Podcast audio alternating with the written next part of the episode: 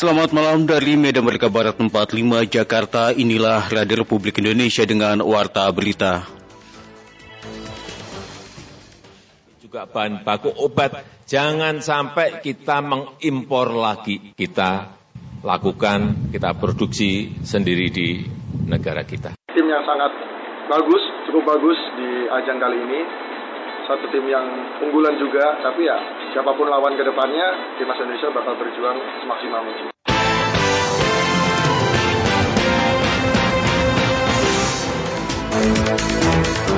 Sari berita, Presiden ingin impor obat-obatan dan alat kesehatan dihentikan. Kiper Timnas Indonesia Nadeo siap tempur menghadapi Thailand. Inilah warta berita selengkapnya hari Senin tanggal 27 Desember 2021 bersama saya Sugandi Avandi. Dan saya Tengku Mazira.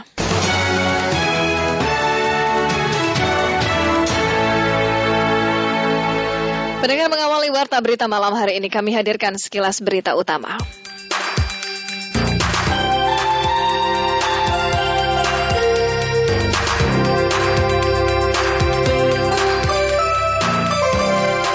Kapolsek Bintan Timur AKP Suwardi membenarkan adanya temuan nelayan sebuah benda misterius mirip tank kendaraan tempur di perairan Pulau Cempedak, Kabupaten Bintan, Kepulauan Seribu.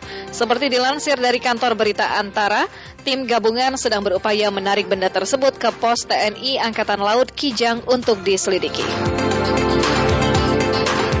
Wakil Menteri Kesehatan Republik Indonesia Dr. Dante Saksono Harbuono mengatakan kasus stunting atau gizi buruk pada balita di Indonesia mengalami penurunan dalam kurun waktu 3 tahun menjadi 24,4 persen di tahun 2021.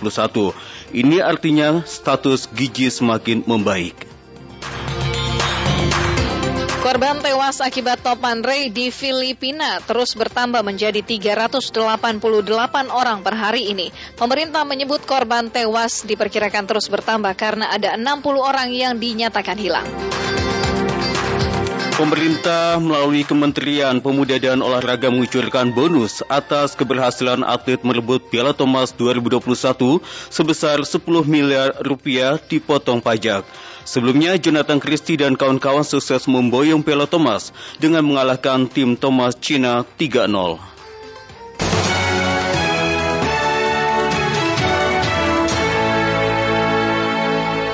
Presiden Joko Widodo ingin impor alat kesehatan dan obat-obatan serta bahan baku obat dihentikan dan diproduksi di dalam negeri. Penegasan itu disampaikan Presiden Joko Widodo saat meresmikan peletakan batu pertama pembangunan Rumah Sakit Internasional Bali, seperti yang diliput Pradipta Rahadi berikut ini.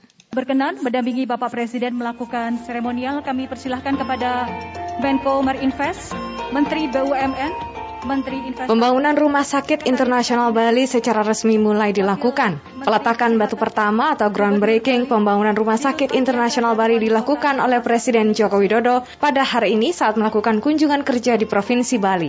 Rumah Sakit Internasional Bali berlokasi di kawasan wisata Sanur, Kota Denpasar. Menteri BUMN Erick Thohir menjelaskan BUMN bekerja sama dengan Mayo Clinic, sebuah rumah sakit kanker yang spesialis perawatan kanker di Amerika Serikat, akan membangun rumah sakit internasional di kawasan wisata Sanur dalam rangka mendukung ekosistem kesehatan Indonesia. Erick menyebut kehadiran Rumah Sakit Internasional Bali menjadi salah satu fasilitas pendukung penting investasi di Bali dan Indonesia, khususnya dalam menjamin kesehatan sumber daya manusia, baik yang profesional maupun pekerja lainnya. Kalau kita lihat juga bagaimana data-data menunjukkan 2 juta masyarakat Indonesia pergi ke luar negeri untuk berobat.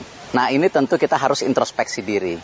Karena itu kita harus meningkatkan pelayanan daripada kesehatan kita agar setara dengan internasional. Terutama dalam mendukung juga investasi dan pariwisata. Nah karena itu kita bekerja sama dengan beberapa universitas dan rumah sakit internasional. Jadi di sini tidak hanya tadi kesehatan tapi juga research untuk peningkatan kualitas. Nah, salah satunya Mayo yang sudah bergabung memberi kesempatan kita coba melakukan kerjasama dan menunggu rumah sakit-rumah sakit lainnya. Nah, karena itu ini menjadi sebuah hal yang sangat positif sehingga kita bisa tadi menaikkan kelas kita di mata internasional. Sebelumnya Presiden Joko Widodo juga sudah menyebutkan bahwa dengan adanya Rumah Sakit Internasional Bali maka diharapkan tidak ada lagi rakyat Indonesia yang berobat pergi ke luar negeri. 2023 rumah sakit ini sudah selesai dan bisa operasional dan juga saya harapkan apa tadi apa yang tadi disampaikan oleh Pak Menteri BUMN bahwa tidak hanya rumah sakit tetapi juga obat tetapi juga bahan baku obat. Jangan sampai kita mengimpor lagi alat-alat kesehatan obat-obatan bahan baku obat kita harus berhenti untuk mengimpor barang-barang itu lagi. Dan kita lakukan, kita produksi sendiri di negara kita. Sebelumnya Kementerian Investasi Badan Koordinasi Penanaman Modal BKPM mengawal proses investasi terhadap rencana Menteri BUMN Erick Thohir yang akan membangun kawasan ekonomi khusus kesehatan di Bali. Mantan Ketua Umum HIPMI sekaligus Kepala BKPM Bahlil Hadaria memastikan pihaknya akan mengawal proses investasinya sampai masuk ke Indonesia karena sektor kesehatan juga menjadi salah satu program prioritas pemerintahan Presiden Joko Widodo. Demikian Pradipta Rahadi Pro 3 RRI.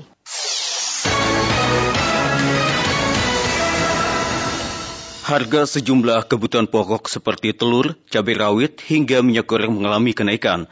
Di pasar induk Ramat Jati, harga cabai rawit merah mencapai Rp110.000 per kilogram, padahal normalnya Rp30.000 per kilogram. Dan pantos lengkapnya bersama Hamza Arianto yang saat ini berada di pasar induk Ramat Jati, Jakarta Timur. Hamza. Ya baik pendengar saat ini saya sedang berada di Pasar Keramat Jati, Jakarta Timur. Di mana jelang momen tahun baru, harga kebutuhan pokok di Pasar Induk Keramat Jati terus meroket. Seperti harga cabai, di sebelum Natal harga e, cabai mencapai 80 ribu per kilonya dan kini sudah tembus di angka 100 ribu, 110 ribu per kilo per kilonya. Lalu harga apa lagi yang e, saat ini kembali meroket? Saat ini saya sedang bersama dengan Ibu Tanti selaku pedagang sembako di Keramat Jati, Jakarta Timur. Selamat malam Bu Tanti. Malam. Bu Tanti, boleh dijelaskan kenaikan harga cabai seperti apa sih Bu sekarang Bu? Harga cabai awal 30 ribu, sekarang oh. udah naik du dua kali naik. Yang hmm. pertama 80 ribu, hmm. sekarang naik lagi mau menjelang tahun baru jadi 110 ribu per kilo. Waduh, selain harga cabai bagaimana Bu dengan harga minyak goreng dan telur? Apakah ada kenaikan Bu? Dan boleh dijelasin Bu Tanti? Sama ada harga minyak juga sama, 1 liter 13 ribu pertama, udah dua kali naik juga. Sebelum Natal pertama 17.500, hmm. sekarang menjelang tahun baru jadi 22.000 per liter. Harga telur juga sama, harga 20.000, sebelum Natal 27.000, sekarang jadi 32.000 per kilo. Itu pun dari agen. Hmm, gitu. Baik, terima kasih Bu Tanti. Ya demikian yang disampaikan Bu Tanti bahwa di momen tahun baru hampir seluruh harga pokok, kebutuhan pokok kembali melambung tinggi. Dan saat ini saya sampaikan kembali untuk harga kebutuhan pokok yang naik selain cabai yaitu harga minyak goreng yang juga kembali naik. Harga normalnya hanya 13.000 per liternya. Kemudian terjadi kenaikan sebanyak dua kali, yaitu 17.500 per liternya. Hingga saat ini di puncaknya mencapai 22.000 per liternya. Kemudian untuk harga telur juga kembali meningkat. Di harga normalnya hanya 20.000 per kilonya. Dan juga terjadi kenaikan sebanyak dua kali, yaitu menjadi 27 ribu per kilonya dan hingga saat ini masuk di momen tahun baru mencapai 32 ribu per kilonya. Demikian Hamzah Arianto RRI Pro 3 melaporkan langsung dari Jakarta Timur. Kembali ke studio. Sementara itu Dewan Perwakilan Rakyat meminta Menteri Perdagangan M. Lutfi untuk turun ke lapangan guna menstabilkan harga karena kenaikan harga memberatkan kehidupan masyarakat kecil. Dari gedung DPR RI, Rizky Supermana melaporkan. Cek aja ke pasar. Minyak goreng mahal, dia akan menggoreng berkali-kali dan itu juga sudah tidak sehat. Jelang tahun baru 2022, sejumlah barang kebutuhan pokok masyarakat semakin banyak yang naik, dimulai pada awal Desember, yaitu minyak goreng, telur, cabai, daging ayam, daging sapi, hingga saat ini LPG non-subsidi pun mengalami kenaikan harga. Wakil Ketua Komisi 6 DPR Martin Manurung meminta Kemendak untuk turun ke pasar-pasar guna menstabilkan harga sembako yang memberatkan masyarakat menengah ke bawah dari Kementerian Perdagangan untuk stabilisasi harga. Sekarang coba cek aja ke pasar. Udah minyak goreng seperti apa yang ada di pasar itu sekarang. dan juga cek apa yang dipakai oleh masyarakat. Ketika minyak goreng misalnya mahal, dia akan menggoreng berkali-kali dan itu juga sudah tidak sehat lagi. Saya kemarin cek di beberapa BUMN yang memproduksi minyak goreng, itu ada stoknya kok, masih ada mereka punya stok. Harusnya pemerintah bisa meminta para BUMN itu untuk melepas stoknya. Wakil Ketua Komisi 4 DPR Andi Akmal menyebut kenaikan harga sembako di akhir tahun 2021 ini menyulitkan masyarakat yang masih terdampak ekonomi akibat pandemi, khususnya masyarakat menengah ke bawah dan pedagang. Menyebabkan harga minyak goreng naik. Jadi masalah ini kan terus saudara-saudara kita yang berpenghasilan menengah ke bawah. Lower income tadi ini kan yang mereka tentu misalnya pedagang gorengan, kemudian eh, apa namanya kuliner, tentu atau mungkin juga ibu rumah tangga yang berpenghasilan kecil kayak petani, nelayan, yang lainnya. Jadi saya mengatakan bahwa ini masalah dan tentu kita harus menemukan di mana masalahnya dan apa solusinya. DPR meminta pemerintah segera mengambil kebijakan guna menstabilkan harga sembako yang naik agar tidak membebani kehidupan masyarakat. Dari Jakarta, Rizky Supermana Pro 3 RRI.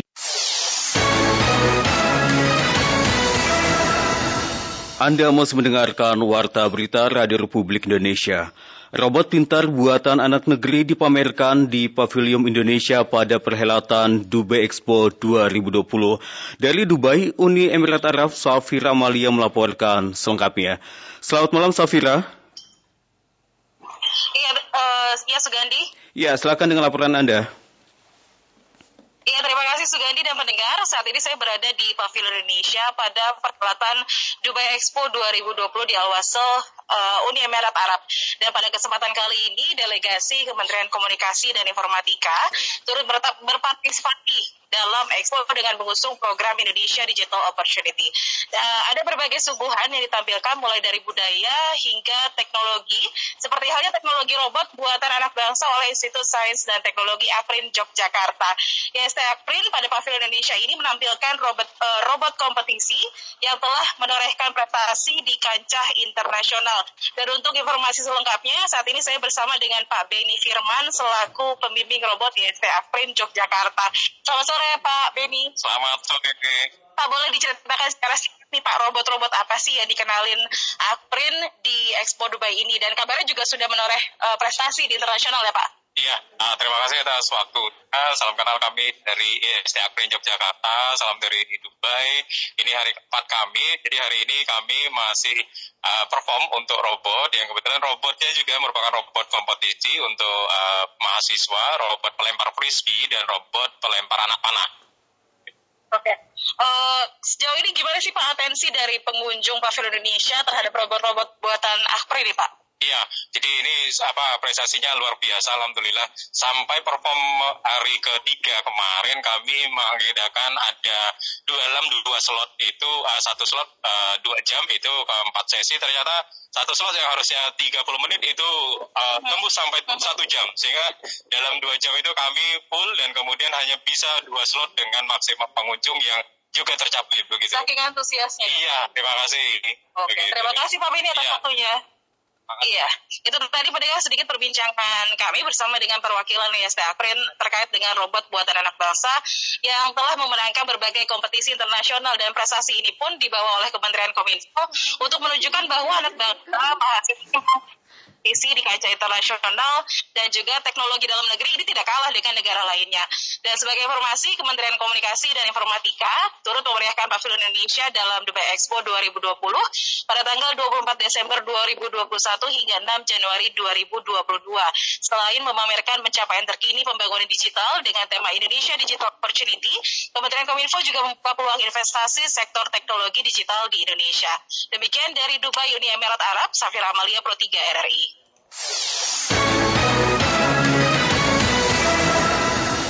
Pendengar salah satu koleksi kebun binatang Surabaya atau KBS Jawa Timur, seekor gajah muda bernama Dumbo ditemukan mati beberapa waktu lalu. Pihak KBS membantah adanya kelalaian dari kota Surabaya. Wahyu Chan melaporkan selengkapnya. Kematian seekor gajah yang diberi nama Dumbo oleh mantan wali kota Surabaya, Tri Risma hari ini di Kebun Binatang Surabaya KBS, menambah daftar pertanyaan bagaimana sistem pengelolaannya, mengingat perusahaan daerah Taman Satwa milik kota Pahlawan ini tidak mempublikasi pada masyarakat. Kepala Bidang Konservasi Sumber Daya Alam dan Ekosistem KSDA Wilayah 2 Gresik, Wiwit Widodo mengatakan adanya pengawasan dan pelaporan setiap kondisi satwa kepada dokter hewan dan berlanjut pada manajemen karena statusnya dilindungi negara, serta mengakui adanya adanya keterlambatan pelaporan, maka sanksi teguran bagi manajemen siap dilayangkan. Tapi pelanggarannya adalah informasi yang diberikan tidak secepatnya. Kira-kira gitu ya. Direktur Utama Perusahaan Daerah Taman Satwa PDTS Kebun Binatang Surabaya KBS, Khairul Anwar menjelaskan kepada awak media membantah jika ada kelalaian karena semua berjalan sesuai SOP, termasuk tidak adanya keterlambatan.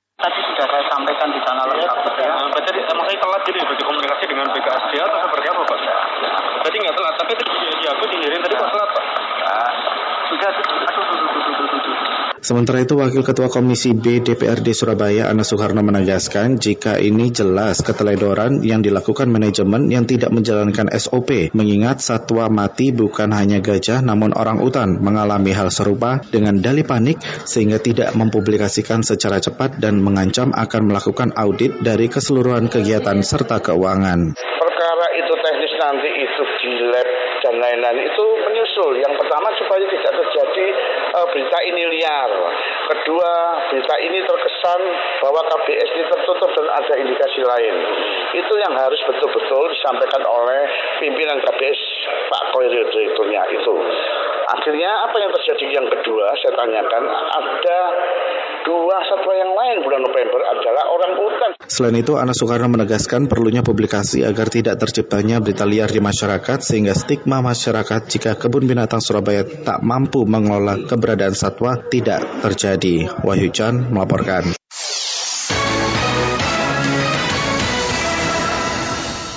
Unggahan presenter televisi Ardeas Gunawan yang meremehkan timnas Indonesia bahkan menyebut tidak layak juara menuai kritikan tajam dari warganet. Komentar sinis itu sangat disayangkan apalagi dilontarkan oleh publik figur seorang penyiar yang dikenal masyarakat luas. Dan kami hadirkan informasi ini secara khusus dalam laporan khusus Pro 3 RRI bersama reporter Lukman Tara. Laporan khusus. Laporan khusus. Laporan khusus. We didn't see the problem there. And they've got their fourth. Egi Molana surely now. They've got Kemenangan skuad Merah Putih versus Singapura 4-2 dalam laga semifinal leg kedua pada 25 Desember 2021 di National Stadium Singapura menjadi kebanggaan bagi pecinta sepak bola tanah air. Namun sayangnya, kemenangan ini mendapat komentar negatif dari seorang presenter TV Ardes Gunawan. Melalui Instagram story miliknya pada Minggu 26 Desember 2021, Ardes menilai permainan timnas Indonesia seakan tak layak dirayakan meskipun telah lolos ke final AFF 2020 dan baginya euforia pasca kemenangan semalam dinilai berlebihan.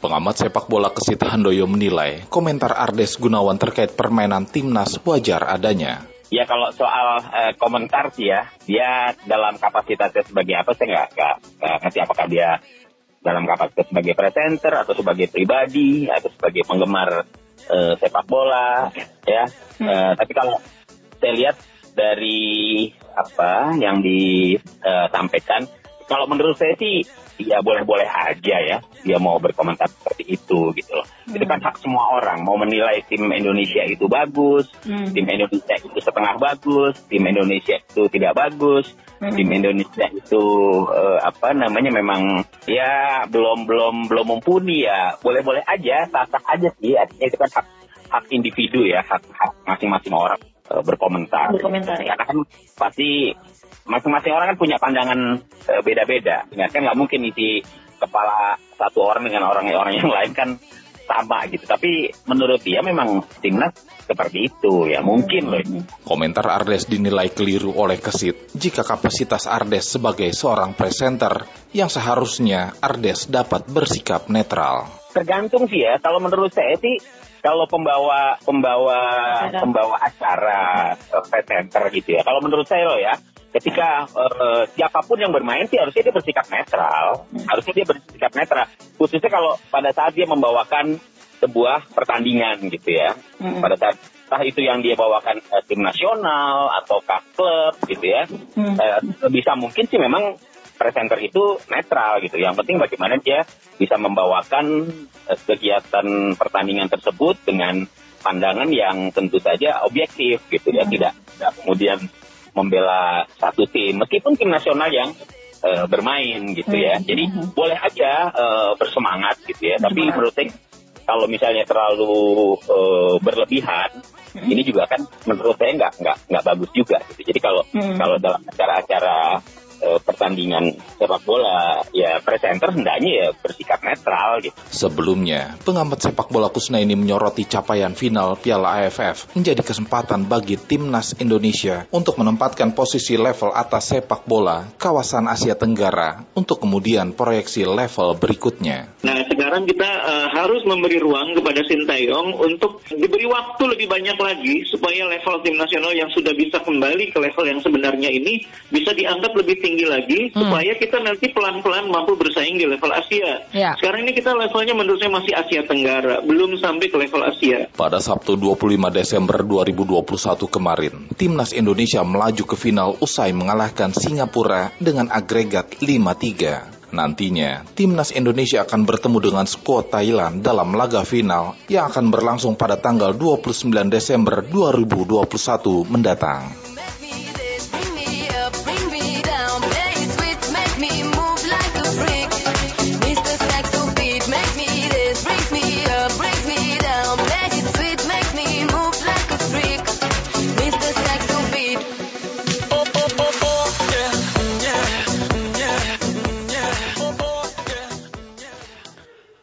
Iya, lalu apa tanggapan masyarakat atas komentar dari presenter televisi Ardias Gunawan?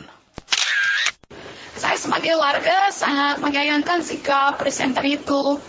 Mau bagaimanapun kita juga sebagai warga Indonesia kan harus dukung timnas untuk bisa menang. Saya sebagai masyarakat merasa bahwa uh, tidak ada relevansi ya antara uh, nasionalisme kita terhadap uh, analisis permainan dari bola. Jadi menurut saya itu aja aja. Saya sebagai masyarakat merasa yang kayak gitu-gitu nggak usah disikapi berlebihan. Lebih baik fokus pada persiapan final nanti, di mana kita mendukung timnas Indonesia bisa menjuarai Piala AFF.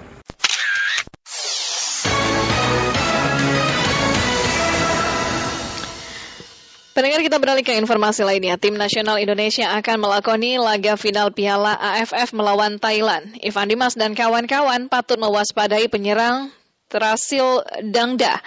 Dan berikut Karisma Rizky menyampaikan informasinya.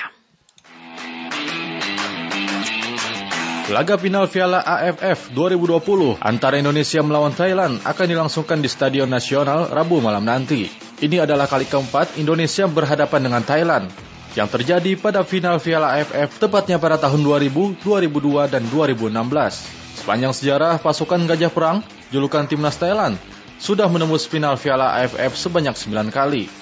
Tercatat 5 kali mereka menjadi juara pada tahun 1996, 2000, 2002, 2014, dan 2016. Sisanya sebanyak tiga kali, Thailand hanya finish sebagai runner-up. Sementara itu, Indonesia yang lolos untuk enam kalinya ke final Piala AFF tengah memburu gelar perdana di ajang sepak bola antar negara Asia Tenggara ini. Melihat dari permainan Thailand yang berhasil membungkam Vietnam di leg kedua dengan skor 2-0, di mana sebelumnya Indonesia hanya bermain seri melawan Vietnam, pengamat sepak bola Daniel Siahaan dalam perbincangannya dalam acara Dinamika Olahraga Pro 3 RRI, ditegaskan Daniel pasukan Garuda patut mewaspadai pasukan Gajah Perang terutama penyerang andalan Thailand Terasil Danda. Ya betul, meskipun usianya dia sekarang atas 30 tahun, ya, tapi belum ada yang bisa mengalahkan rekor dia untuk Piala AFF. Dia sampai saat ini sekarang sudah mengoleksi 15 gol. Dan dia pemain cukup berpengalaman, sampai saat ini dia sudah mengemas uh, 4 gol, hanya sekali dia tidak bermain melawan Singapura. Jadi pada pemain belakang Indonesia siapa pun yang bermain dipikir ya, mereka harus tetap waspada harus disiplin di sektor belakang agar uh, kalau Dangda tidak bisa mencetak dan dia juga cukup uh, kuat ya di dalam bertahan dan juga akurasi passingnya dan tekad juga bagus dan prestasinya 50% dia sukses melakukan tackle. Beratap laga final saat berhadapan dengan Thailand nanti, pejarang sayap Indonesia Witan Sulaiman menegaskan kerjasama tim adalah kunci kemenangan bagi timnya kunci kemenangan kemarin ya menurut saya kerjasama tim kebersamaan kita kita tidak boleh saling menyalahkan satu sama lain. Kita harus tetap kompak di dalam permainan semalam. Jadi menurut saya ya, kerjasama tim kunci kemenangan di setiap pertandingan seperti yang diketahui, satu pemain dipastikan absen pada leg pertama final Piala AFF Indonesia melawan Thailand. Satu pemain yang absen itu berasal dari timnas Thailand. Thailand dipastikan tidak bisa memainkan bek kiri Teraton pun Mathan. Di mana Teraton tidak bisa memperkuat Thailand karena akumulasi dua kartu kuning yang didapat saat dua leg melawan Vietnam di babak semifinal. Sedangkan Rahmat Irianto mengalami cedera saat Indonesia mengalahkan Singapura pada leg kedua semifinal. Dari Jakarta, Gadis Mariski, Pro 3, RRI. Sementara itu kiper timnas Indonesia Nadio Argawinata atau Nadio Winata mengatakan Thailand merupakan tim unggulan dengan materi pemain yang bagus. Kendati demikian timnas Indonesia siap menghadapi Thailand. Hal itu disampaikan oleh Nadio dalam wawancara seperti yang diunggah di YouTube milik PSSI. Kita belum sempat atau belum pernah melawan Thailand di Piala AFF ini. Saya rasa mereka berdua tim yang sangat bagus, cukup bagus di ajang kali ini satu tim yang unggulan juga, tapi ya siapa pun lawan ke depannya, timnas Indonesia bakal berjuang semaksimal mungkin.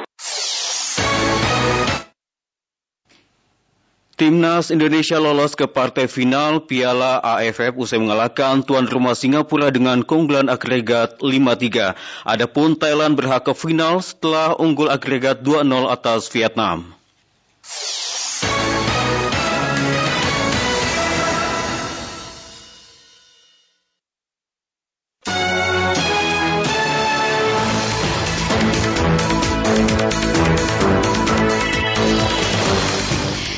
Kasih mendengar Anda sudah menyimak Warta Berita Produksi Radio Republik Indonesia. Selepas ini kami masih akan hadirkan sejumlah informasi aktual lainnya dalam Indonesia Menyapa Petang. Saya Tengku Mazira. Dan saya Suganda Fandi.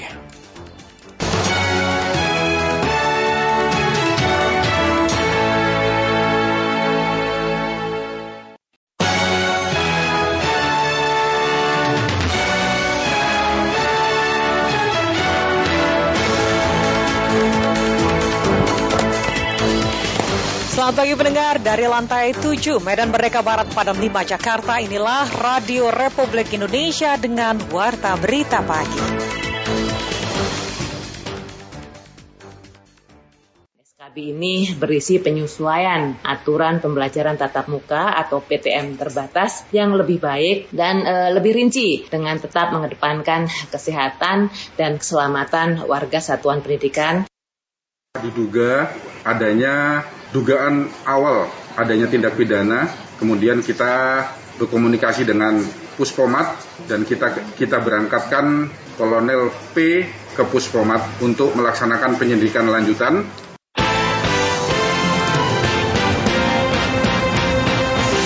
Sari berita, pemerintah memperbarui kebijakan masuk sekolah di masa pandemi COVID-19. Kecelakaan maut atas pasang remaja di Nagrek, Jawa Barat. Penyelidikannya kini dilakukan di Pusat Polisi Militer Angkatan Darat atau Puspomat. Inilah warta berita selengkapnya Senin 27 Desember 2021 bersama saya Rudi Zain dan saya Risti Rustarto.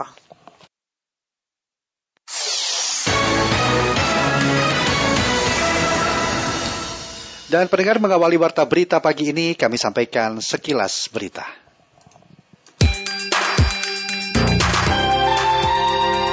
Indonesia kembali kedatangan hampir 9 juta dosis vaksin yang tiba pada hari Minggu 26 Desember 2021 di Bandara Soekarno-Hatta, Tangerang, Banten. Vaksin yang datang kali ini merupakan donasi dari negara sahabat melalui jalur COVAX. PT Bank DKI menggulirkan pinjaman 1,2 triliun rupiah kepada PT Pembangunan Jaya Ancol yang diklaim tak berkaitan dengan Formula E. Diketahui pelaksanaan Formula E akan dilaksanakan di Ancol pada Juni 2022.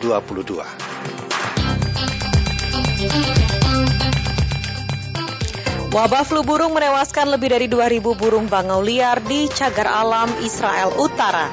Jumlah bangau yang mati itu terbilang luar biasa tinggi untuk sebuah flu musiman.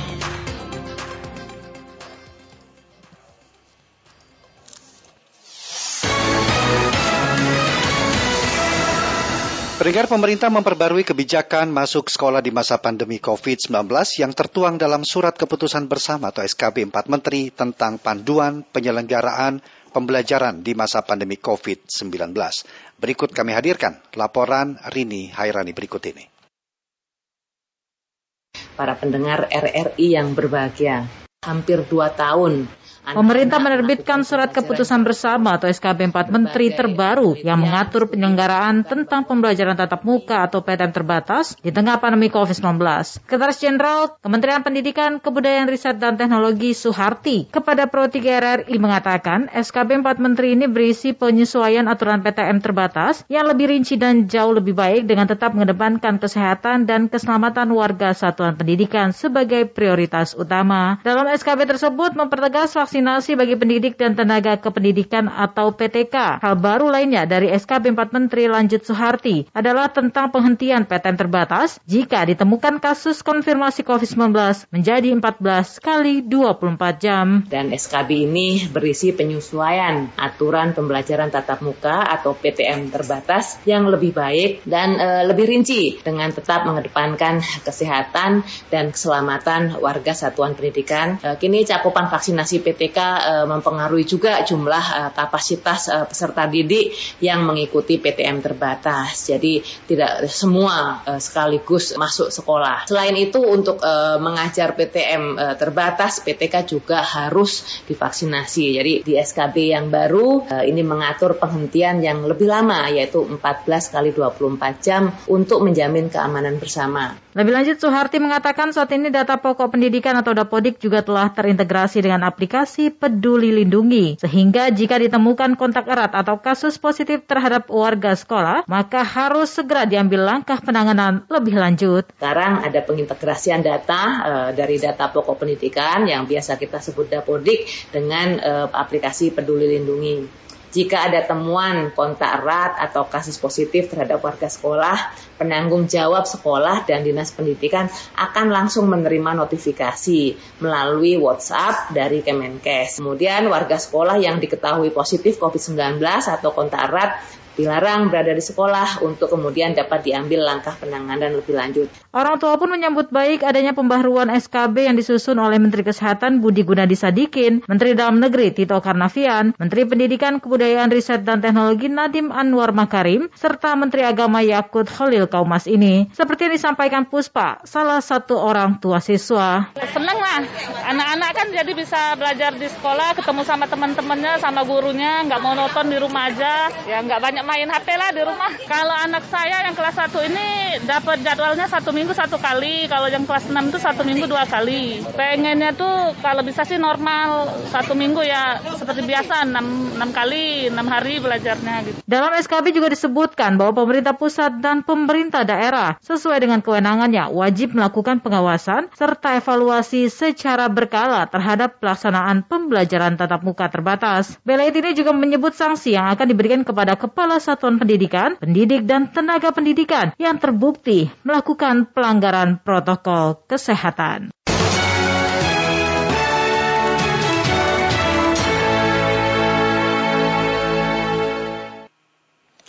Kepolisian daerah Sumatera Utara menyediakan posko vaksinasi di pos pengamanan pada operasi Lilin Toba 2021 guna mencegah penularan COVID-19 selama mudik Natal dan Tahun Baru. Joko Saputra melaporkan selengkapnya.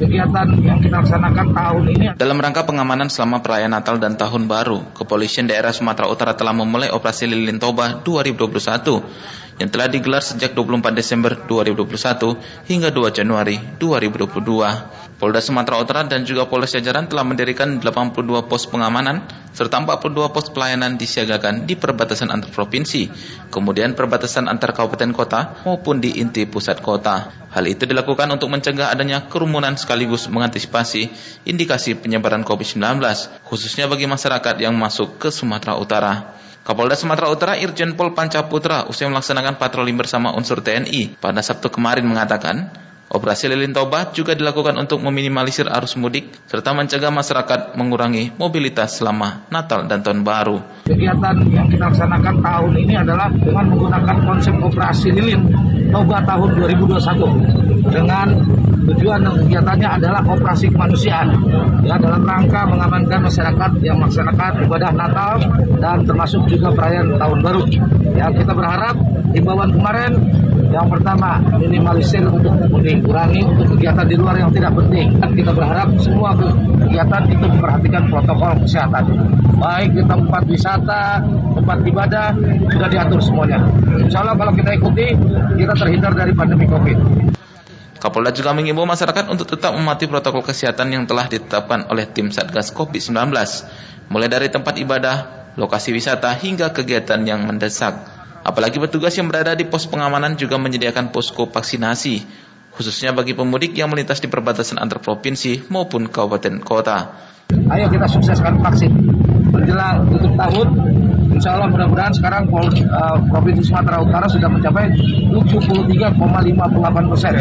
Ya, kita berharap ini bisa terus berjalan sampai dengan akhir tahun dan uh, sebagaimana arahan Bapak Presiden, kita mencapai 70 persen uh, di seluruh wilayah. Sebelumnya Gubernur Sumatera Utara Edi Rahmayadi mengatakan pengamanan tidak hanya difokuskan untuk di titik perbatasan antar provinsi maupun kabupaten kota, namun juga di lokasi keramaian seperti daerah wisata serta daerah yang rawan banjir dan juga longsor. Pemerintah juga telah menyiapkan pos kesehatan hingga tingkat kelurahan untuk percepatan vaksinasi. Untuk khususnya orang kesehatan sampai tingkat puskesmas, poskes. Kalau terlalu jauh itu ke puskesmas, pastinya nanti disiapkan poskes. Dalam rangka pengamanan Natal dan Tahun Baru sekaligus dalam rangka mencegah penularan COVID-19, petugas gabungan dari Kepolisian Daerah Sumatera Utara, TNI dan juga pemerintah daerah telah menyiapkan 11.403 personil gabungan di sejumlah titik. Dalam pengamanan selama operasi Lilin Toba 2021 yang dimulai tanggal 24 Desember, juga didirikan 82 pos pengamanan, 42 pos pelayanan serta 6 lokasi pos terpadu. Pengamanan juga difokuskan di 3.124 gereja, 23 terminal, 34 pelabuhan, serta 5 bandara. Pendengar, pendengar meski tidak ada penyekatan di titik-titik pintu masuk kota selama libur Nataru, Gubernur Jawa Timur Hovifa Indar Parawansa meminta masyarakat tetap mengurangi mobilitas untuk menghindari penyebaran COVID-19. Berikut kami sampaikan informasi yang disampaikan oleh reporter kami Andik Hasana berikut ini. Momentum libur Natal dan Tahun Baru, kepolisian tidak melakukan penyekatan di pintu-pintu masuk area kota. Namun demikian tetap terdapat pos pengamanan, pos PAM, pos pelayanan posian serta pos pelayanan khusus di rest area. Gubernur Jawa Timur Khafifah Indar Parawansa mengungkapkan, sedianya tidak ada penyekatan namun di titik-titik pos pengamanan dan pos pelayanan, TNI Polri yang bertugas menyediakan mobil vaksin, tes swab antigen maupun PCR. Mantan Menteri Sosial ini berharap masyarakat mengurangi mobilitas serta tetap menjaga protokol kesehatan di mana pun dan kapan pun. Ia tidak ingin 14 hari setelah libur Nataru terjadi lonjakan kasus COVID-19. Oleh karena itu, suasana yang sudah sangat baik ini, ayo kita jaga bersama bagaimana perayaan Natal dan Tahun Baru ini berjalan dengan hikmat, tetapi bahwa keselamatan, perlindungan, dan kesehatan kita juga harus bisa kita jaga bersama-sama. Adanya pos pam, pos pelayanan, pos di rest area itu adalah bagian untuk bisa memberikan perlindungan kepada kita semua, tapi masyarakat juga harus bersama-sama menjaga bagaimana suasana aman, kondusif, dan semuanya sehat terlindungi. Sementara itu, Kepolisian Daerah Jawa Timur Polda Jatim pada Operasi Lilin Semeru 2021, yakni Operasi Kemanusiaan Pengamanan Natal dan Tahun Baru, mendirikan 50 pos pengamanan pospam, 162 pos pelayanan posyan, dan 7 posyan di rest area. Ani Hasana melaporkan. Harga kebutuhan pokok di Demak, Jawa Tengah meroket menjelang tahun baru. Jawa Tengah mengalami kenaikan seperti kenaikan pada harga telur dan daging ayam, minyak goreng, gula, dan gula pasir. Beberapa harga sembako yang mengalami kenaikan akan disampaikan oleh Diki Wijaya. Menjelang tahun baru 2022, harga sejumlah kebutuhan pokok di Demak mengalami kenaikan. Di antaranya, komoditas cabai yang terus mengalami fluktuasi harga, daging ayam ikut merangkak naik, serta telur, minyak goreng, dan gula pasir yang harganya semakin melambung. Kondisi tersebut membuat pedagang mengeluh karena membuat pendapatan jauh berkurang. Kenaikan sudah terjadi dalam sepekan terakhir, tepatnya sebelum Hari Raya Natal salah seorang pedagang ayam di Pasar Beranggen Siti Nurjana saat ditemui RRI menuturkan kenaikan disebabkan karena harga dari distributor naik. Pada akhirnya, kondisi tersebut membuat penjual hanya bisa pasrah karena pendapatan saat momen Natal dan Tahun Baru justru menurun. Ia mengatakan harga daging ayam kini mencapai Rp35.000 per kilogram. Sudah ada satu minggu, sebelumnya 30 Sementara, pedagang sembako Ningsih menganggap kondisi tersebut wajar menjelang Natal dan Tahun Baru.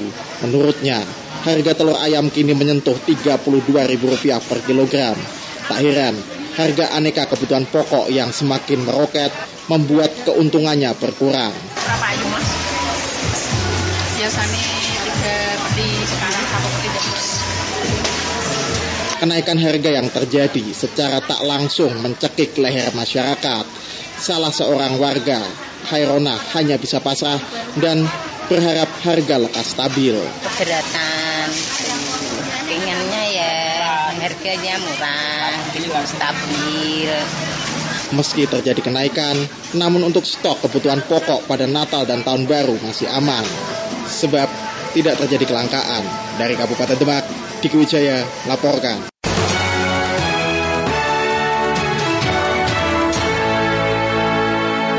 Terima kasih Anda masih menyimak Warta Berita Produksi Pusat Pemberitaan Program 3 Radio Republik Indonesia. Diduga melibatkan tiga anggota TNI Angkatan Darat, kecelakaan maut atas sepasang remaja di Nagrek, Jawa Barat. Penyelidikannya kini dilakukan oleh Pusat Polisi Militer Angkatan Darat atau Puspommat. Dan informasi tersebut selengkapnya kami hadirkan dalam sesi laporan khusus Pro 3 bersama Niar Abdul Litilol di berikut ini. Yang bersangkutan, tiga orang tersebut rencananya Laporan khusus. Laporan khusus.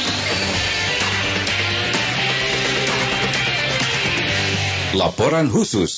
Yang bersangkutan tiga orang tersebut rencananya membawa korban ini Beberapa pekan lalu, tepatnya 8 Desember 2021, terjadi kecelakaan lalu lintas terhadap sepasang remaja di wilayah Nagrek, Kabupaten Bandung, Jawa Barat. Usai kecelakaan, korban dibawa oleh pelaku penabrakan. Setelah kejadian itu, kedua korban tak diketahui keberadaannya. Hingga tiga hari berselang, jasad keduanya ditemukan mengapung di Sungai Serayu, Jawa Tengah. Jenazah laki-laki ditemukan di aliran Sungai Serayu, Desa Banjar Parakan, Kecamatan Rawalo, Banyumas, Jawa Tengah. Sementara itu, jenazah perempuan ditemukan di Desa Bunton, Kecamatan Kecamatan Adipala, Kabupaten Cilacap, Jawa Tengah. Dalam perkembangannya, penyelidikan tidak hanya dilakukan oleh Polda Jawa Barat, namun hingga melibatkan Kodam 3 Siliwangi. Kabit Humas Polda Jawa Barat, Kombes Pol Edit Caniago sebelumnya menyebutkan, penyelidikan melibatkan Kodam Siliwangi karena ada indikasi pelaku penabrakan merupakan anggota TNI. Kami pun dari kepolisian tetap menyelidiki karena ini menyangkut di video awal ya menyangkut video awal yang yang yang sekiranya membutuhkan perhatian atau membutuhkan koordinasi yang intensif dari kami dan uh, dari pihak Kodam 3 Siliwangi. Sejalan dengan Polda Jawa Barat, maka Kodam 3 Siliwangi pun ikut dilibatkan dalam proses penyelidikan. Sebagaimana disampaikan oleh Kapendam 3 Siliwangi Kolonel Aritri Hedianto yang menyebut penyelidikan akan dilakukan bersamaan dengan Polda Jawa Barat. Pangdam 3 Siliwangi telah memerintahkan Danpom untuk melaksanakan penyidikan secara intensif dengan harapan bisa segera kita ketahui pelakunya. Memang kalau dilihat dari bukti permulaan dan petunjuk yang ada di TKP diduga dari oknum TNI Angkatan Darat. Namun kita tetap harus menunggu hasil uh, penyidikan yang dilakukan oleh Pemda 3 Siliwangi. Setelah ditelusuri, terungkap identitas tiga oknum TNI yang terlibat dalam kasus kecelakaan terhadap sepasang remaja di Nagrek. Mereka adalah Kolonel Infantri P, Kopral 2DA, dan Kopral 2A. Kolonel P sendiri diketahui bertugas di Kodam 13 Merdeka. Kapendam 13 Merdeka Kolonel Infantri Johnson Sitorus kepada media mengatakan, semula ketiganya berniat membawa kedua korban ke rumah sakit terdekat. Namun dalam perjalanannya ketiganya malah memutuskan untuk membuang kedua korban ke Sungai Serayu. Uh, setelah uh, beberapa menit mencari rumah sakit terdekat tidak diketemukan, akhirnya uh, tidak tahu apa yang terlintas dalam pikiran tiga orang oknum anggota TNI ini sehingga uh, membuat jenazah korban laka lalin ini ke Sungai Serayu di daerah Jawa Barat. Kolonel Infanteri P ini saat ini diamankan di Mapolda 13 Merdeka untuk dilakukan penyelidikan dan penyidikan. Untuk dua anggota yang lainnya diamankan dan untuk diselidiki di sini dan di ini di daerah Kodam 4 di Ponorogo. Informasi terbaru Komandan Polisi Militer Kodam 13 Merdeka Kolonel CPM Tri Cahyo menyatakan pelaku penabrakan Kolonel P kini telah dibawa ke Pusat Kepolisian Militer Angkatan Darat untuk mendapatkan penyelidikan lebih lanjut. Diduga adanya dugaan awal adanya tindak pidana, kemudian kita berkomunikasi dengan Puspomat dan kita kita berangkatkan Kolonel P ke Puspomat untuk melaksanakan penyidikan lanjutan Berdasarkan peristiwa ini, ketiga oknum TNI Angkatan Darat ini diketahui telah melanggar Undang-Undang Nomor 22 Tahun 2009 tentang Lalu Lintas dan Angkutan Jalan Raya. Pasal yang dilanggar yakni Pasal 310 dengan ancaman pidana penjara maksimal 6 tahun dan Pasal 312 dengan ancaman pidana penjara maksimal 3 tahun. Ketiganya juga dinyatakan melanggar KUHP antara lain Pasal 181 dengan ancaman pidana penjara maksimal 6 bulan, Pasal 359 ancaman pidana penjara maksimal 5 tahun, Pasal 338 ancaman ancaman pidana penjara maksimal 15 tahun, pasal 340 ancaman pidana penjara maksimal seumur hidup. Selain akan melakukan penuntutan hukum maksimal, Panglima TNI juga telah menginstruksikan penyidik TNI, TNI Angkatan Darat serta Orditur Jenderal TNI untuk memberikan hukuman tambahan berupa pemecatan dari dinas militer kepada tiga oknum TNI Angkatan Darat tersebut. Dari Jakarta, Nira Abdul Loli, Pro 3 RRI. Beberapa pekan lalu, sebuah kecelakaan maut terjadi atas sepasang wilayah sepasang remaja di wilayah Nagrek, Jawa Barat. Korban yang semula hilang tanpa petunjuk kemudian ditemukan jasadnya mengambang di dua lokasi sungai yang berbeda. Belakangan diketahui pelaku penabrakan adalah oknum TNI Angkatan Darat. Berikut tanggapan masyarakat. Nama saya Febri dari Keramat Jati, Jakarta Timur. Uh, menurut saya kasus ini sudah ditangani pihak polisi militer angkatan darat, namun tetap harus dikawal. Pastinya harus diselesaikan secara hukum yang ada dan agar dapat memberikan rasa keadilan bagi keluarga korban. Saya Angga dari Menteng, Jakarta Pusat. Anggota TNI disumpah untuk melindungi segenap tumpah darah Indonesia, rakyat Indonesia.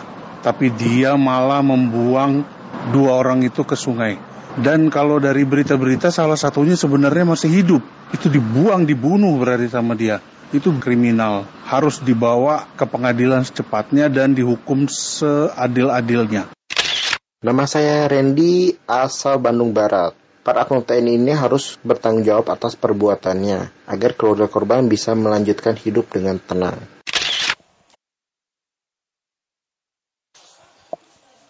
Ya, dan pendengar komentar RRI pagi ini menyoroti kasus kecelakaan lalu lintas di kawasan Nagrek, Jawa Barat. Hingga pimpinan TNI menyampaikan pernyataan tegas terkait terduga pelaku penabrak. Komentar disampaikan editor senior Pro 3 RRI, Widi Kurniawan. Berikut ini.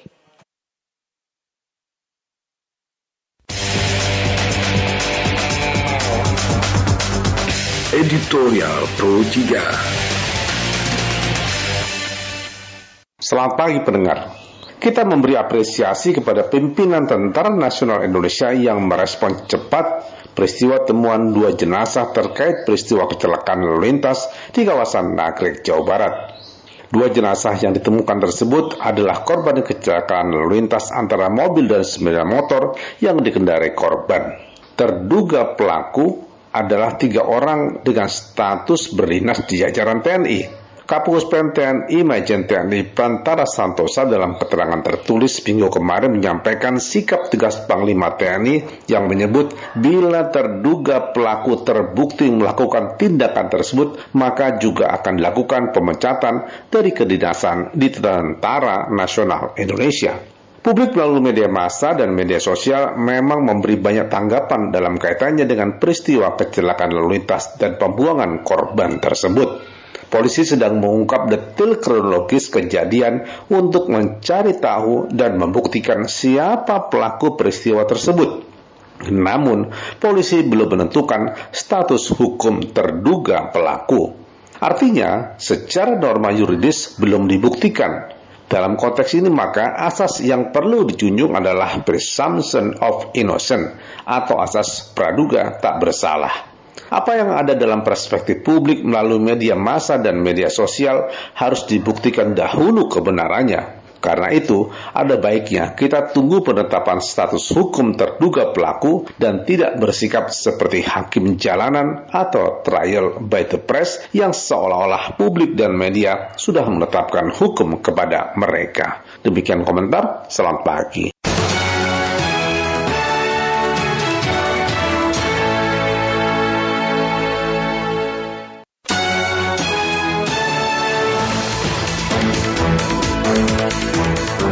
Pendengar, demikian Warta Berita pagi ini kami masih punya sejumlah informasi menarik lainnya di antaranya untuk Anda para penggemar sepak bola. Pastikan Anda terus bersama kami di program Indonesia Menyapa Pagi karena kami punya informasi khusus mengenai bagaimana laga Indonesia yang bersiap menghadapi final melawan Thailand. Tetap bersama kami, saya Rizky Rustarto. Dan saya Rudi Zain. Selamat, Selamat pagi. pagi.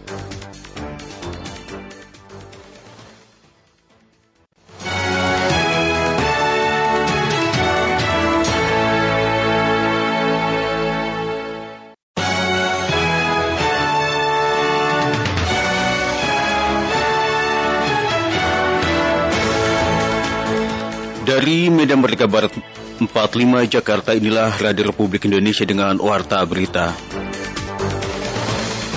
Tapi masih kita tidak tahu apakah dari daerah lain ada yang masuk, yang lolos dari sini. Sebab kemarin ternyata ada satu orang yang lolos dari situ karena pergi dengan keluarganya dan ini kita harapkan tidak terjadi lagi. Kita harapkan nanti menjadi KEK kesehatan dan kita harapkan tidak ada lagi kalau ini jadi tidak ada lagi rakyat kita, masyarakat kita yang pergi ke luar negeri untuk mendapatkan pelayanan kesehatan.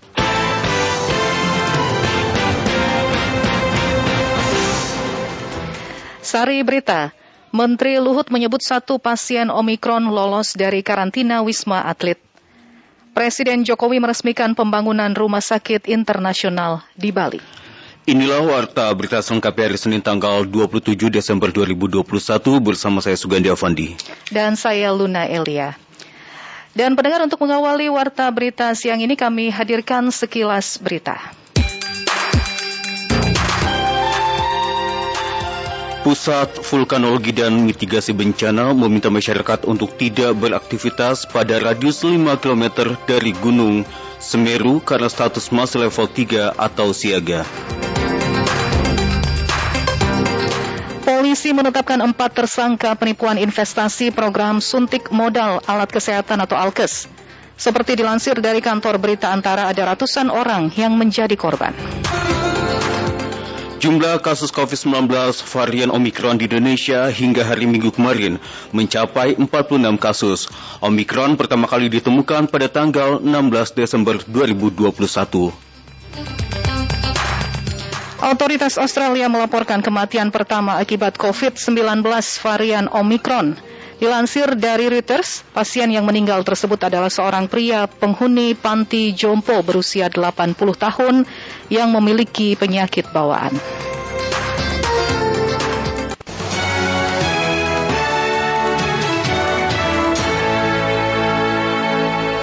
Menteri Koordinator Kemaritiman dan Investasi Luhut Binsar Panjaitan mengungkap ada satu pasien COVID-19 varian Omikron yang lolos dari karantina di Wisma Atlet Jakarta.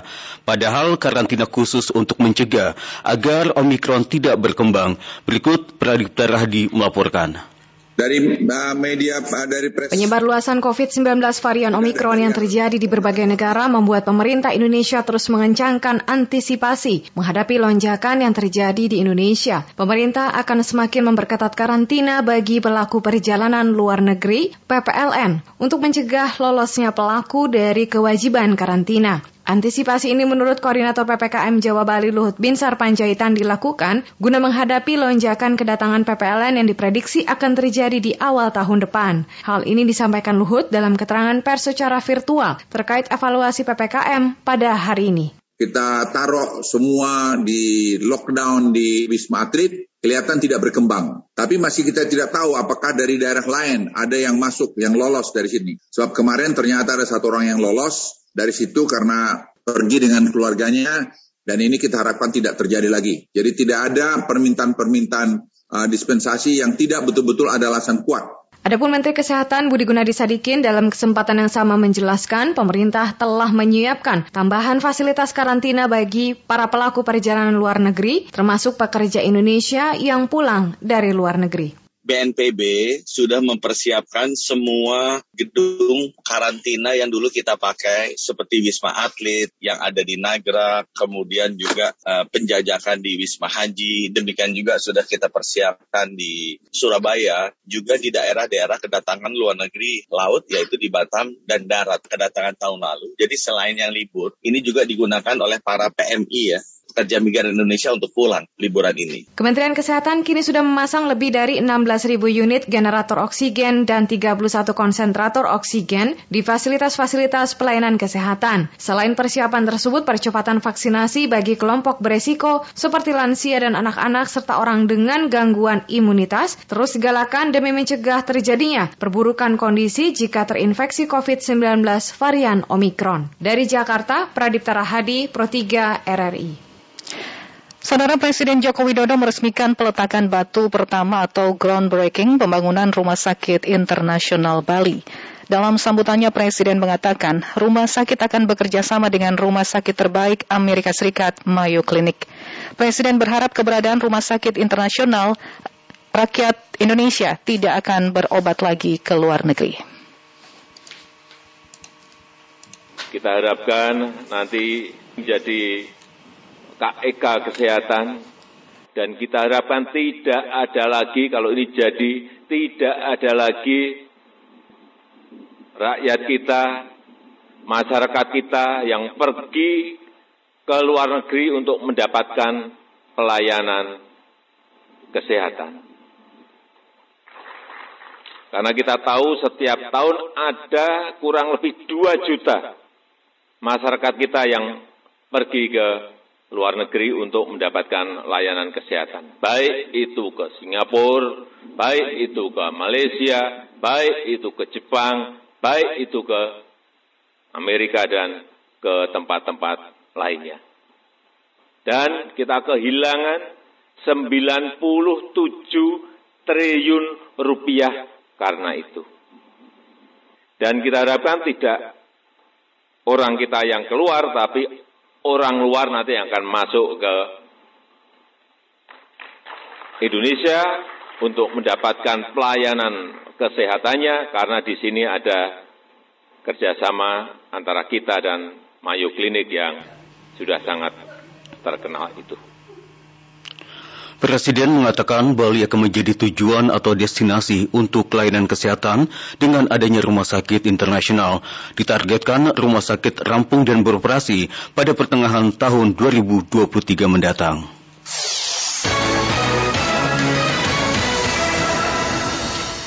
Terima kasih pendengar Anda masih bersama kami mendengarkan Warta Berita Program 3 Radio Republik Indonesia. Kita beralih ke informasi berikutnya terkait harga cabai rawit merah di Pasar Slipi, Jakarta Barat. Hingga saat ini masih tinggi, bahkan angkanya menyentuh 100 ribu maksud kami 110 ribu rupiah per kilogramnya. Di sana ada reporter kami, Fakih, yang akan melaporkan selengkapnya. Fakih Fatur Rahman. Fakih, bagaimana perkembangan harga cabai rawit merah di Pasar Slipi, Jakarta Barat? Apakah semakin pedas mendekati tahun baru ini, Fakih? Baik pendengar, benar sekali saat ini saya sedang berada di Pasar Selipi, Jakarta Barat. Harga cabai rawit pada hari ini uh, Senin 27 Desember mencapai 110 ribu rupiah. Meski dinilai masih tinggi uh, bila dibandingkan dengan harga normalnya, namun harga tersebut sudah mengalami penurunan bila dibandingkan dengan harga pada Minggu 26 Desember kemarin yang mencapai 120 ribu rupiah. Uh, biasanya cabai rawit merah dijual dengan uh, harga 30 hingga 40 ribu rupiah. Dan saat ini saya juga sedang bersama dengan salah satu pedagang pasar di uh, Pasar Selipi. Uh, selamat siang Ibu. Ya, siang dari uh, Bu Sri. Ibu Sri, Ibu Sri boleh tahu dengan uh, harga cabai rawit merah saat ini? Uh, harga cabai rawit merah saat ini 110, turun 1000, 10 ribu. Normalnya berapa Bu? Biasanya uh, 30 ribu sampai 40 ribu. Uh, selain cabai rawit merah ada bahan pokok uh, yang mengalami kenaikan Bu? Hari ini yang naik tomat. Tomat. Mm-hmm. Dari berapa? Uh, 12 ribu, sekarang 14 ribu, 14 naik 2 ribu. Selain tomat ada lagi Bu kenaikan harga? Enggak, enggak ada. Belum ada Bu. Baik pendengar, uh, barusan uh, uh, merupakan salah uh, wawancara dengan salah satu pedagang pasar yang ada di Pasar Selipi. Uh, selain cabai rawit merah disampaikan juga ada kenaikan di harga tomat, yakni sebelumnya harga tomat uh, Rp12.000, namun saat ini harga tomat mencapai Rp14.000 per kilogramnya. Uh, rangkuman yang berhasil kami himpun juga dari para pedagang pasar yakni harga bawang putih saat ini mencapai Rp35.000 per kilogramnya, uh, bawang merah Rp40.000 per kilogramnya, cabai rawit uh, cabai merah keriting maksud kami uh, Rp60.000 per kilogramnya, cabai besar Lombok uh, Rp50.000 per kilogram, cabai rawit hijau Rp60.000 per kilogram, Jahe merah ribu rupiah per kilogram, jahe biasa empat puluh ribu rupiah per kilogram, dan kenaikan juga terjadi pada telur ayam, yakni hingga saat ini telur harga telur ayam mencapai tiga puluh dua ribu rupiah per kilogram, sedangkan minyak goreng refill juga mengalami kenaikan yang sebelumnya dua puluh ribu rupiah per, per liter saat ini minyak goreng refill mencapai Rp22.000 per liternya.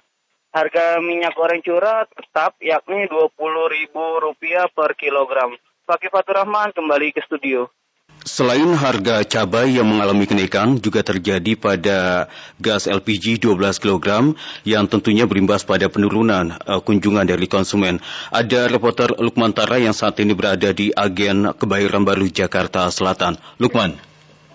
Ya, Gandhi, Luna, dan juga pendengar saat ini saya berada di Jalan Limau, Kebayoran Baru, Jakarta Selatan, di mana saat ini saya sedang mengunjungi agen gas di Jalan Limau ini, di mana kenaikan harga gas LPG non subsidi 12 kg yang terjadi sejak 24 Desember yang lalu berdampak pada penurunan uh, konsumen di agen ini. Saya saat ini bersama dengan Mbak Jihan yang merupakan salah satu penjaga agen di Jalan Limau ini. Mbak Jihan, penurunannya berapa persen sih Mbak? Bisa semenjak harga, harga gas jadi 12 kilo jadi naik, penurunnya sekitar 25 persen. 25 persen iya. pembeliannya ya Mbak ya.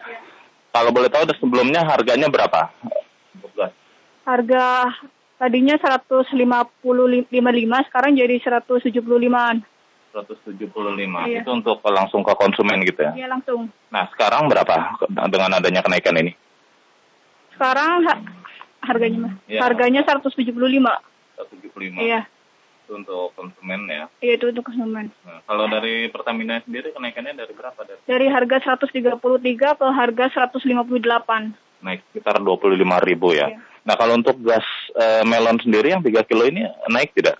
Kalau itu nggak naik dari sananya harganya 16.000, kita jualnya 20.000.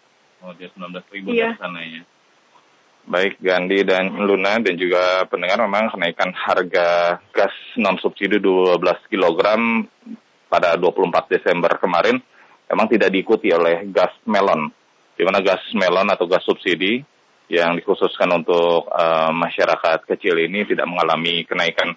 Adapun memang untuk penjualan untuk gas 3 kg masih tetap normal, di mana tidak ada perubahan semenjak eh, adanya kenaikan yang kemarin di eh, santer diberitakan oleh beberapa media.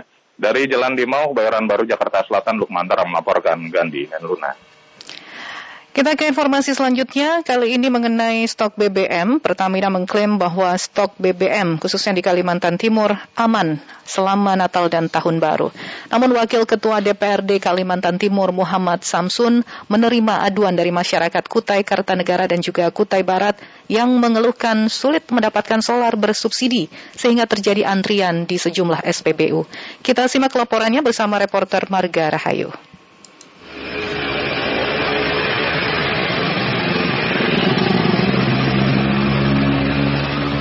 Sejumlah stasiun pengisian bahan bakar umum SPBU di kota Samarinda Senin siang terpantau sepi dari aktivitas antrian kendaraan. Salah satunya seperti terlihat di SPBU Jalan Kadri Oning Samarinda. Tampak sesekali kendaraan keluar masuk SPBU guna mengisi kendaraan mereka dengan gasolin jenis Pertalite dan Pertamax. PT Pertamina telah mengklaim pasokan BBM aman selama momen perayaan Natal dan Tahun Baru 2021. Sales Area Manager PT Pertamina Kaltim Kaltara Gusti Anggara Permana kepada RRI mengungkapkan, dari tiga supply point di Provinsi Kaltim, yakni Samarinda, Balikpapan, dan Depot Mini Bahan Bakar Minyak atau Jober Berau, ketersediaan bahan bakar minyak gasolin maupun gasoil mampu mencukupi keperluan masyarakat hingga 31 Desember nanti. di Brau. Di Brau ini lebih aman lagi karena premium 18 hari, biosolar 17 hari, Pertamaxnya 7 hari.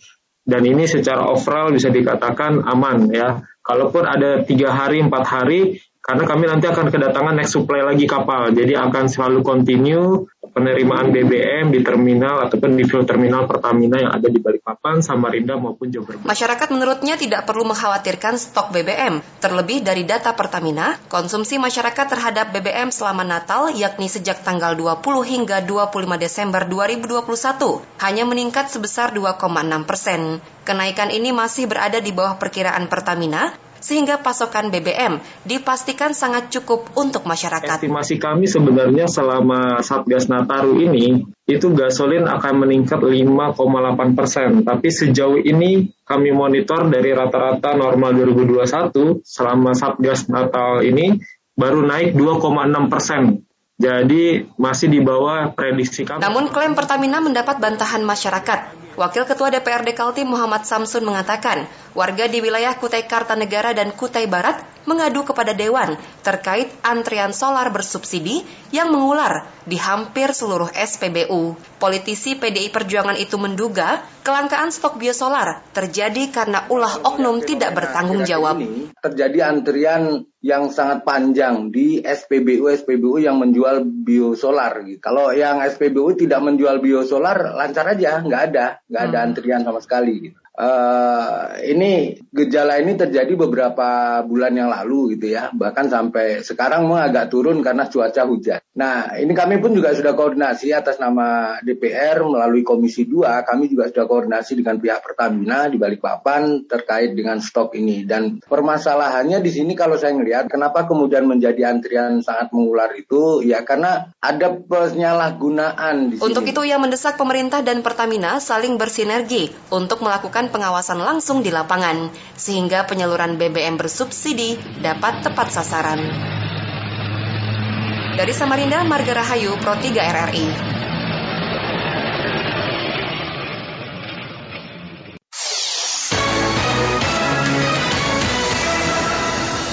Polisi menetapkan seorang pria berinisial RH 52 tahun sebagai tersangka dalam kasus penganiayaan terhadap keponakannya yang masih anak-anak di Kecamatan Alasa, Kabupaten Nias Utara, Provinsi Sumatera Utara. Bocah tersebut ditemukan oleh warga dalam kondisi terikat di batang pohon karet. Dari Gunung Sitoli, Indra Jaya Zenrato menyampaikan informasi ini selengkapnya. Indra, bagaimana perkembangan proses hukum terhadap bocah yang mendapatkan penganiayaan ini?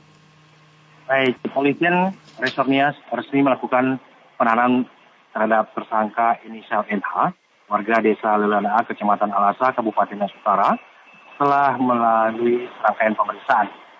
NH ditahan atas tindakannya melakukan penganiayaan terhadap eh, keponakannya sendiri, inisial UH, ini yang masih berusia 10 tahun dan masih duduk di bangku eh, sekolah dasar kelas 5 SD. Ini pelaku mengikat tangan serta kaki korban di sebatang eh, pohon karet dengan menggunakan tali nilon. Dan saat korban diikat dan dianiaya oleh pamannya, korban ditemukan oleh seorang warga yang mendengar tangisan korban dan akhirnya memviralkan kondisi korban melalui media sosial Facebook.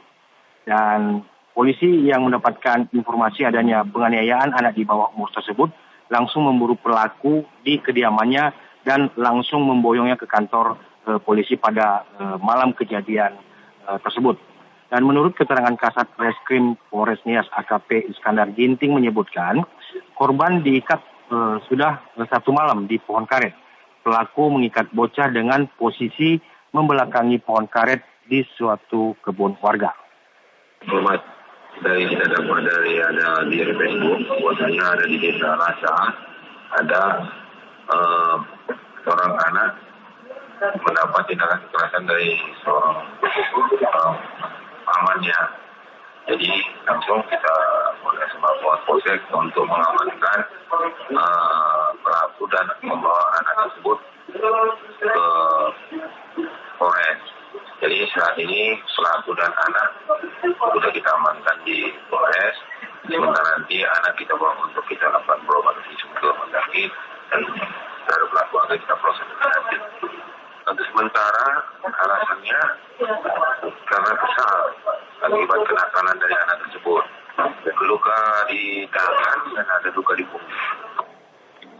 Ya, motif sementara menurut Kasat Reskrim bahwa pelaku melakukan kekerasan kepada korban karena kesal akibat sering mengambil makanan di tempat orang dan kabur dari rumah dan sering kabur dari rumah. Bocah tersebut diketahui sudah lama ditinggal pergi oleh kedua orang tuanya dan hanya diasuh oleh pamannya yang juga sebagai pelaku penganiayaan. Kini eh, kondisi bocah di bawah umur ini masih trauma, sementara polisi tengah memberikan perawatan pada korban dengan menyerahkan korban kepada pemerintah daerah Kabupaten Nias Utara. Dari Kota Gunung Soli, Indra Jayanrate melaporkan untuk Pro 3.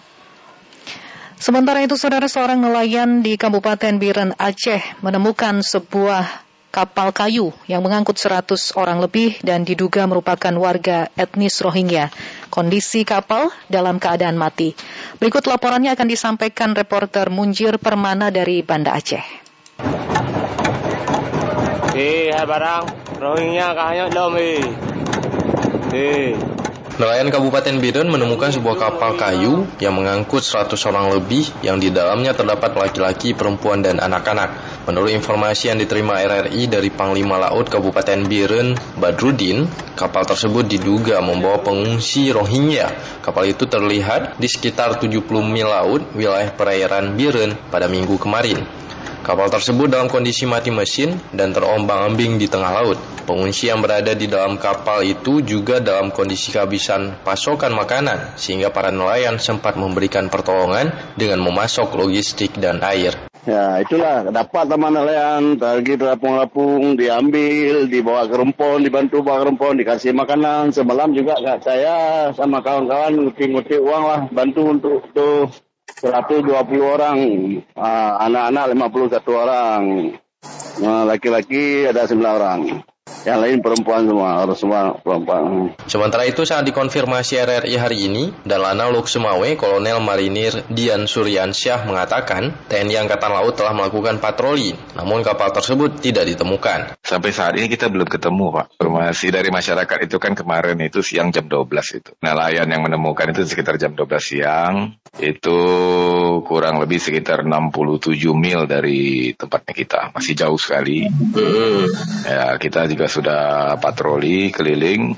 Ya, kita masuk ke daerah operasi ini tadi malam itu sekitar jam-jam 8. Nah, sudah ada jendela waktu kurang lebih 8 jam. Hmm. Nah, 8 jam itu kita nggak tahu mereka ke mana. Makanya sekarang masih patroli semua mencari posisi mereka. Itu yang jelas kalau kita sebagai pemerintah ya kita akan memberikan dukungan kepada mereka logistik ya kan untuk mereka bisa melanjutkan perjalanan mereka. Dia menegaskan pihaknya akan terus melakukan patroli laut untuk mencegah masuknya kapal-kapal ilegal tanpa izin ke wilayah perairan Indonesia. Dari Banda Aceh, Munjir Permana melaporkan.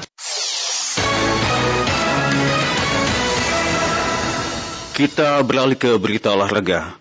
Komandan Lapangan MotoGP Mandalika 2022 Marsikal TNI Purnawirawan Hadi Cahyanto menggelar pertemuan dengan Menteri Komunikasi dan Informatika Joni G. Plate mengenai persiapan MotoGP yang akan dihelat bulan Maret tahun depan. Lalu apa hasil dari pertemuan tersebut? Saat ini kita telah terhubung dengan reporter Retno Mandasari. Retno, apa yang menjadi hasil dari pertemuan Pak Menteri Joni G. Plate dan Hadi Cahyanto? Retno? Ya. Jadi hari ini ada pertemuan antara Menteri Komunikasi dan Informatika Joni G. Plate dengan Komandan Lapangan MotoGP Mandalika 2022 Marsikal TNI Purnawirawan Hadi Cahyanto terkait dengan persiapan untuk balapan MotoGP yang akan berlangsung pada bulan Maret ya tahun 2022. Nanti kita akan mengetahui seperti apa hasil pertemuan tersebut. Retno. Ya, Gandhi dan juga pendengar, hari ini Komandan Lapangan MotoGP Mandalika 2022 Marskal TNI Purnawirawan Hadi Cahyanto menggelar pertemuan dengan Menteri Komunikasi dan Informatika Joni G. Plate di kantor Menkominfo di Jakarta Pusat. Beberapa hal dibahas oleh keduanya terkait persiapan MotoGP Mandalika yang dijadwalkan akan dilaksanakan pada Maret tahun depan. Dalam konferensi pers yang digelar setelah pertemuan, Menkominfo mengatakan terkait kesiapan uh, infrastruktur komunikasi, pihaknya akan menambah spektrum frekuensi sebesar 4 MHz pada frekuensi 400-an. Ini nantinya dikatakan untuk mendukung penyelenggaraan pertandingan agar kompetisi bisa berlangsung dengan baik. Sementara persiapan kedua terkait infrastruktur komunikasi, kata Menkominfo adalah memastikan jaringan tulang punggung telekomunikasi yaitu kabel optik yang memadai untuk mendukung transmisi data dari Mandalika ke seluruh wilayah di Indonesia dan juga dunia. Menyempurnakan secara komunikasi Nanti kami mendiskusikan bagaimana untuk melengkapi agar penyediaan dan uh, PTS dari operator seluler yang dipastikan kebetulan ada dua operator yang besar yang beroperasi di Mandalika yaitu Telkomsel dan Excel. Komandan lapangan MotoGP tanggal 2022 Marskal TNI Purnawirawan Hadi Cahyanto memastikan empat pelabuhan utama di Mandalika akan menjadi pintu masuk para penonton dan juga termasuk terkait kesiapan akhir MotoGP Mandalika akan dilakukan saat pramusim pada 11 hingga 13 Februari tahun depan. Oh, bulan Februari nanti tanggal 11 sampai tanggal 13 ada pramusim yang dilaksanakan uh, akan dihadiri 900 pembalap dan uh, official dan di situlah kita akan mensimulasi kekurangannya apa dalam penyelenggaraan nanti supaya sukses. Komandan Lapangan MotoGP Mandalika 2022 menyebut kapasitas bagi penonton di area grandstand akan mencapai 50 ribu orang, di mana Hadi juga memastikan akan diterapkan protokol kesehatan. Setiap penonton sebelum memasuki area pertunjukan diwajibkan memindai melalui aplikasi Peduli Lindungi serta di area pintu masuk juga tersedia loket khusus untuk tes usap antigen maupun PCR. Sementara sebagai informasi, total dari 12 tim dan 24 pembalap bakal mengikuti MotoGP 2022 yang salah satu seri di antaranya akan berlangsung di sirkuit Mandalika Lombok. Dari Jakarta, Retno Mandasari, Pro 3 RRI.